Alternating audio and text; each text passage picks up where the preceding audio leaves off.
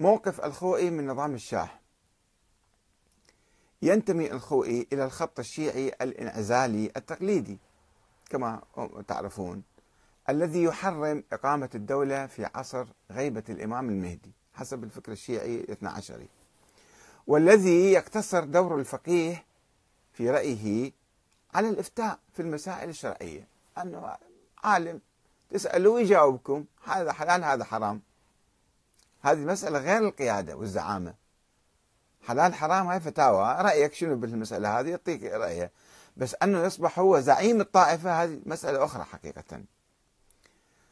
السيد الخوئي بحث نظرية ولاية الفقيه التي قال بها بعض فقهاء الشيعة منذ القرن التاسع عشر منذ الفقيه الشيخ أحمد النراقي.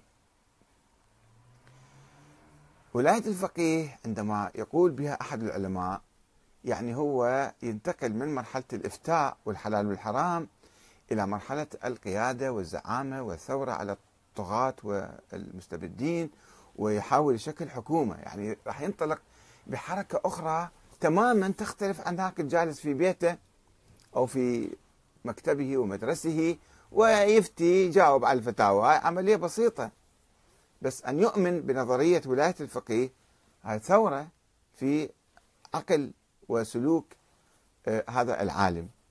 فمن 200 سنة تقريبا منذ الشيخ أحمد النراقي اللي قال بأنه الفقيه له ولاية عامة في غيبة الإمام.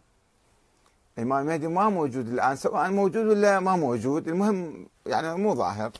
فالفقيه هو له ولاية يعني الفقيه هو يستطيع أن يحكم. لاحظوا هاي يعني مرحلة جدا آه، ثورية وخطوة واسعة. السيد الخوئي بحث هذه المسألة في الفقه فرفضها رفضا تاما. قال أبدا ما يجوز أن الفقيه يتولى القيادة أو يكون هو ولي الأمر مثلا. وحتى بعض الفقهاء سابقا كانوا يقولون الفقهاء العدول لهم ولاية على أمور على الأمور الحسبية. الأمور الحسبية يعني الأمور التي ضرورية جدا التي لا بد منها يعني مثلا واحد يموت وعنده أطفال وما حد ما عنده.